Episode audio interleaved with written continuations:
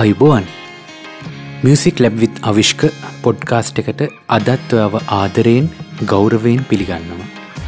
අද මම අරගෙනෙන්නේ මගේ මේ පොඩ්කාස්ට් එකේ හයවෙනි දිග හැරුම. ඉතිං හැමදාම මතක් කරනවා වගේ වාට මගේ මේ පොඩ්කාස්ට් එක අහන්න පුළුවන් පලට්ෆෝර්ම්ස් ටික මතක් කරලා ඉන්නම් වාට මගේ YouTube චනල්ල එක හරහා Apple පොඩ්කාස්ට හරහා මගේ සෞන්් කලව් චනල් එකෙන් Google පොඩ්කාස්ට හරහා රස විඳින්න හැකියාව තියෙනවා ඉති මේ පලටෆෝර්ම් සොල්ට ගිහින් මාව සර්ච් කරලා සබස්ක්‍රයිබ් කරන්න. එතකොට මංමගේ අලුත්ම එපිසෝඩ්ස් රිලිස් කරපු ගමන් වාට අහන්න හැකියාව තියෙනවා. ඒ වගේම සංගීතයේ රහට අහන විඳින වගේ යාළුවන් අතරේ මේ පොඩ්කාස්ට් එක ෂයා කරගන්න තමතක් කරන්න එපා. වට මේ ගැන හිතෙන්නේ මොනවද? ඔයා මම කතා කළ යුතුයයි හැඟෙන ගීත මොනවද? ගුණ අගුණ සියල්ල මට කමෙන්ටයකින් කියන්න. අද පොඩ්කාස්ට එක ඉවර වෙනකං අහන්න මොකද අලුත්ම දෙයක් ඔගුලන්ට අරගෙනෙනවා අවසානයේදී. එහෙනම් අද වැඩේ පටන්ගම්.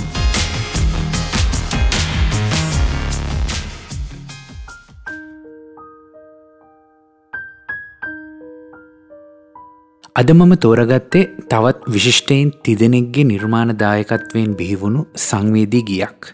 මිගිය රචනා කරන්නේ වයිසද්මිරාල් සෝමතිලක දිසානායක. ගායනා කරන්නේ විශාරද හර්ෂණ දිසානායක.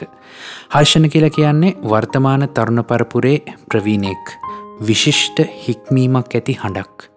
පොඩිකාලිඳං අහපු ඇහුණු ඒ කොළුගටයගේ හඬ අද අපිට ඇහෙන්නේ මහා බරසාර විදිහට. දැන්නේ හඬින් අපිට ඇහෙන්නේ ගැඹුරු දේවල්. ප්‍රකාශනය වෙන්නේ ගැඹුරු පරිනත හැඟීම්. මීට අවුරුද්ධකට දෙකට කලින් මටත් වාසනාව ලැබුණ හර්ෂණ දිසානායකයන් එක්ක වැඩ කරන්න ඕට ගීතයක් නිර්මාණය කරලා දෙන්න. ඉතිං මම ඒ නිර්මාණය කරපු ගීතය නිමා නොවුණු වසන්තේ ගීතය රචනා කරේ මදු විජයකෝන් ඉතින් ඒ ගීතයත් රස විඳින්න කියල මං ආදරෙන් ඉල්ලනවා ඒ ගීතේ ලිංගක මම ඩිස්ක්‍රපෂන් එක දාලා තියෙනවා. ගීතයේ සංගීත සංරචනය අප අතරින් මීට වස්සර කිහිපයකට පෙර වියෝ වූ ප්‍රවීණ සංගීතවේදී සුනිල් දයානන්ද කෝනාරයන්ගේ.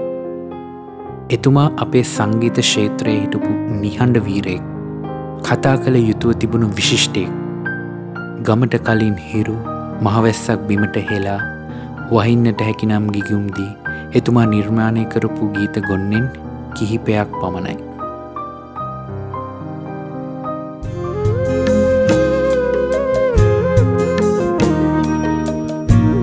මේ ගීතේ කතා කරන්නේ අගහිඟකම් වලින් පිරුණු පුංචි දරු පවුලක් ආදරෙන් රැකබලාගත්තු දුක්මහන්සේ සොච්චමක් හම්බ කරගත්තු අපච්චි කෙනෙක්ට අත්වුණු කනගාටුදායක ඉරණමක් ගැන.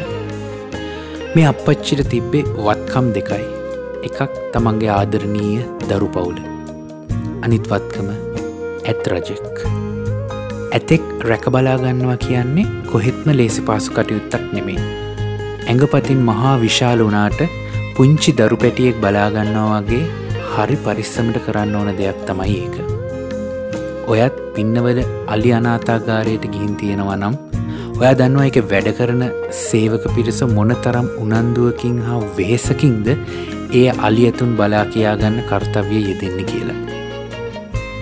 අපි මනුෂ්‍යන් හැටියට මොනතරම් ආසාාවක් තියෙනවද අලියතුන්ට අලියතුන් බලන්න උන්ගේ හැස්සරීම් දඟකම් දිහා බලන් ඉන්න.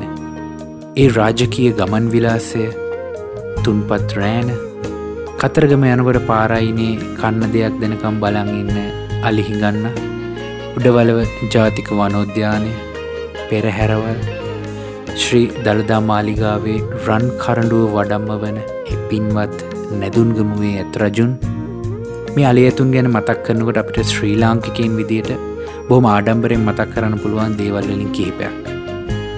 මේ ගීතේ පුරාම කියවෙන්නේ ඇත්ගව්වේ ගැන.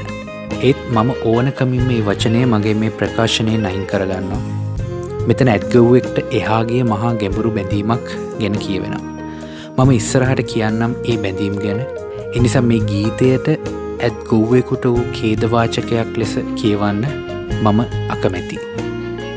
තාත්තගෙනෙට්ට තමන්ගේ දරුවන් වෙනුවෙන් අවශ්‍යනම් දවස පැෑ විසි හතර මුණත් කැප කරන්න පුළුවන්. මම මල් පිපිලා ගීතයේ විශාරය අරංගෙනකොට කිව්වා අම්මල වගේ නෙමේ තාත්තගේ ආදරය හරි වෙනස් කියලා. මේ අපච්චි ඇත්රජුන්ව බලා කියාගන්නේ තමන්ගේ දරුවෙක් බලා කියාගන්නවා වගේ ආදරෙන් සෙනහසින්. සමහර වෙලාවට ඒ සෙනහස දරුවන්ට දක්වන සෙනහසටත් වඩා වැඩි. එක දවසක් හරිම අනපේක්ෂිත සිදුවීමක් වෙලා මේ අපච්චි ජීවිතෙන් සමුගන්නවා. මේ අපච්චිගේ හදිසි වියෝව මේ පුංචි පවුලේ අනාගතය ලොකු දෙදරීමකට ලක් කරනවා. මේ දුක පිටවෙන්නේ පුංචි පුතු අතින්. ඔහුගේ හඬින්. ඇත්රජුන් එක්ක තරහාවක් නෑ. ඒත් උනුදේ හිතාගන්නත් බෑ. පුංචිපුතු ඇත්රජුන් ළඟට ගිහින් අහන්නේ ඒ ගැන.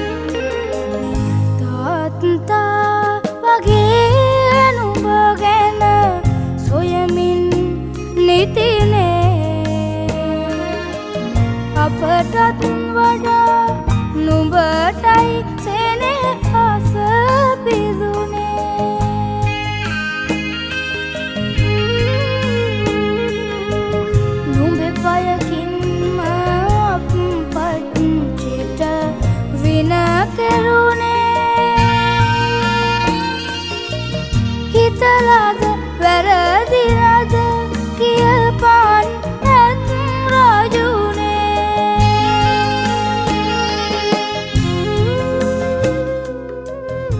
අපච්චිට එහෙම කළේ හිතලද වැරදිලද. මේ ප්‍රශ්නය තමයි මුළු ගීතය පුරාම මේ පුංචිපුතු අහන්නේ. අලියෙක්ගේ පාපහරක් කියන්න අපි සිනමා පටවල දකින්න සටන් ජවනිකාවල තියෙන වැර යොදා එල්ල කරන මිනිස් පාපහරවල් වගේ නම් නෙමේ. ඒ ශක්තිමත් පයකින් පොඩි ස්පර්ශයක් වුණත් ඇති මිනිස්සිරුරේ අස්ති බිඳියාම් අස්ති විසන්දිවී මැටකටු පොඩිවී මැතිවෙන්න. අවසානයේ හදවතය ස්පන්දනය නතර කරන්න. ඒ ශක්තිය කොයි තරම්ද කියලා අලියට අවබෝධයක් නෑ. පුංචි කාලේ දෙමවපියන් දරුවන්ට කන්න බොන්න දෙන්නේ හොඳම දේවල් විතරයි. මේ අපච්චිත් මේ ඇතාට කන්න දෙන්නේ ස්තරම්ම දේවල්.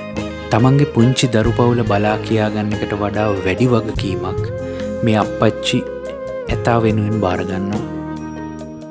ඇත්ගොව්වෙකුට ඔහුගේ ආදායම් ක්‍රම කීපයකට ලැබෙන්න පුළුවන් එකක් ඇතාගේ අයිතිකරුවන් එමනැත්තං හාම්පුතුන් දවසට යම් මුදලක් ඇතා රැක බලා ගැනීම වෙනුවෙන් ලබා දෙන්න පුළුවන් එම නැත්තං ඇතාව යම් කාර්යක් ඉටු කරගන්න යොදවාගෙන එ වැඩි ඉවරුනාම යම් මුදලක් ලබාගන්න පුළුවන්.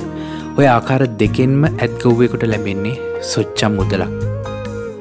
මිනිසා ඇත්ගොව්වෙක් රැක බලාගන්න ඇතායකර ආත්මීය බැඳීමක් ඇති කරගන්න තියෙන හැකියාව අවස්ථාව වැඩි. ඒ ජීවත් වෙන්න හයිය දෙන්නේ මේ ඇතා නිසා. මාඔය දිගේ නුඹේ මඩ සෝදාගරලා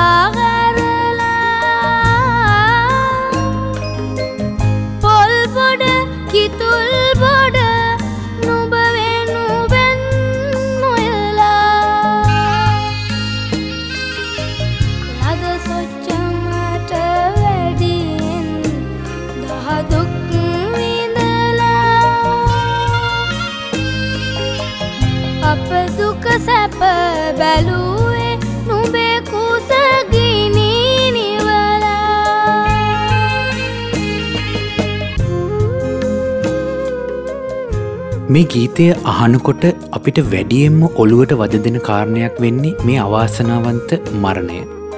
ඒත් මම කැමති ඊට වඩා ටිකක් ගැඹුරට මේ ගීතයෙන් කියවෙන සමාජයේ ආර්ථිකමය හා මානුෂීය පැතිකඩයන් ගැන කෙටියෙන් කතා කරන්න. ආර්ථිකමය අතින් දුබල ජීවන රටාවක්. කුටුම්ඹ සැකැස්ම ඉස්මතු නොකිරුවත් මේ කතා කරන පුංචිපුතුගේ වේදනාබර හඬින් කියාපාන්නේ තාත්තගේ ශක්තිය වෙහෙස මත පමණක් ඔවුන් යපුණු බවයි. අම්ම සමාරවිට ජීවතුන් අතර ඉන්නත් පුළුවන් නැතිවෙන්නත් පුළුවන්. ඇය සුළුවෙන් කුලී වැඩක් කරනවා වෙන්නත් පුළුවන් නැතිවෙන්නත් පුළුවන්. ඒත් කුටුම්බ යැපුණේ අපච්චිගෙන්. ඔයා ගමනාගමනී යෙදනකොට ඕන තරම් අවස්ථාවල රථවාහන සංඥායලි නැත්තං ට්‍රෆික් ලයිට් ළඟ ඔයා වාහනය නවත්තනවා. ඒ වගේ වෙලාවට වගේ වාහනය ළඟට එනවා කුඩා දරුවෙක් වඩාගත් කේන්ඩෑරිවීගේ සිරුරක් ඇති අම්ම කෙනෙක්. ඇවිත් කියක් හරි ඉල්ලනවා. ඒ පින් අයිතිවේ මහත්තයෝ බත් කටක් කන්න කියක් හරි දෙන්න කියාගෙන. බත් කටක් කනකොටයි පින් දෙන්නේ. අපි හැමදාම බත් කනවන්නේ. එත් කීසරයක් ඒ කන බත් පතට පින් දීලා තියෙනවද. හැමදාම කන බත් එකට මොකට පින් දෙන්නද කියලා හිතුන නම් ඊළඟ පදපේලි දෙක අහන්න මේ පුංචි දරුව හරි හැඟීම් බරව ඒ ගැන කියනවා. සුනිල් කෝනාරයන් හර්ෂණ සෝමතිලික දිසානායක ගීතයේ උච්චතම අවස්ථාව කරන්නේ මේ ඊළඟට එන වර්ස් එක. ආර්ථික බලපෑ මිස්මතු කරන අතරතුර මානුෂීය පැතිකඩ විග්‍රහ කළේ සරලව ඒත් ගැඹුරින්. ආයිත් අපච්චි මේ ලෝකෙට පණගහලාවොත් ඉස්සෙල්ලම එන්නේ උඹව බලන්න මිසක් අපි ළඟට නෙමේ කියලා මේ පුංචි පුතා කියනවා. ඇත්රජුන් ළඟට වෙලා මේ කුඩා දරුවා කියවන්නේ ඔහුගේ පුංචි සිතින් එන කනස්සල්ලක්ද පැමිණිල්ලක්ද එවන් නැත්තං දුකක්ද ලතවිල්ලක්ද නැත්තං පුංචි තරහවක්ද මේ පිට කරන්නේ. මම ඒක තීරණය කරන එක ඔයාට ඉතුරු කරනවා. ඒ මොකක් වුණත් සමහර විට මේ ඇතා කන් දෙක ලෙලවමින් ඔළුව පද්දමින් මේ කතාවහගෙන ඇති. තමන් අතින් උනුවේ සිදුවීමෙහි බරපතලකම තේරෙනවත් ඇති නොතේරෙනවත් ඇති. බත් පත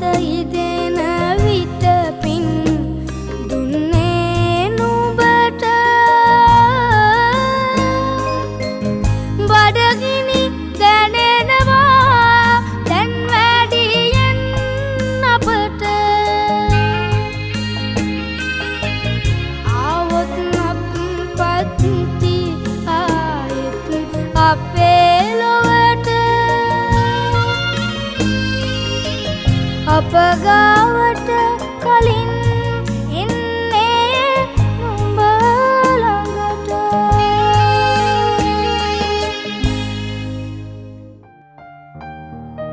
මේ ගීතේ පුංචි කාලිඳම් මම ප්‍රියකරපු ගීතයක් නිසයි. ඒ ගීතේ රහ වගේම මේ වගේ හැමවෙලේම අපිට ඇහෙනින් නැති ගීතෝ ඇත්ත එක බෙදාගන්න මං හිතුවේ. වැඩ ඉවර කරන්න කලින් මේකත් අහලම යන්න. හර්ෂණ දිසානායකයන් අද කොහොමද ඔහුගේ යොවුන් හඬින් හැබැයි ඒ හැඟීම් ඒ විදිහටම රැකගෙන මේ ගිය අද ගායනා කරන්න කියලා. අදට ගිහින් එන්නම් මම අවිශ්ක.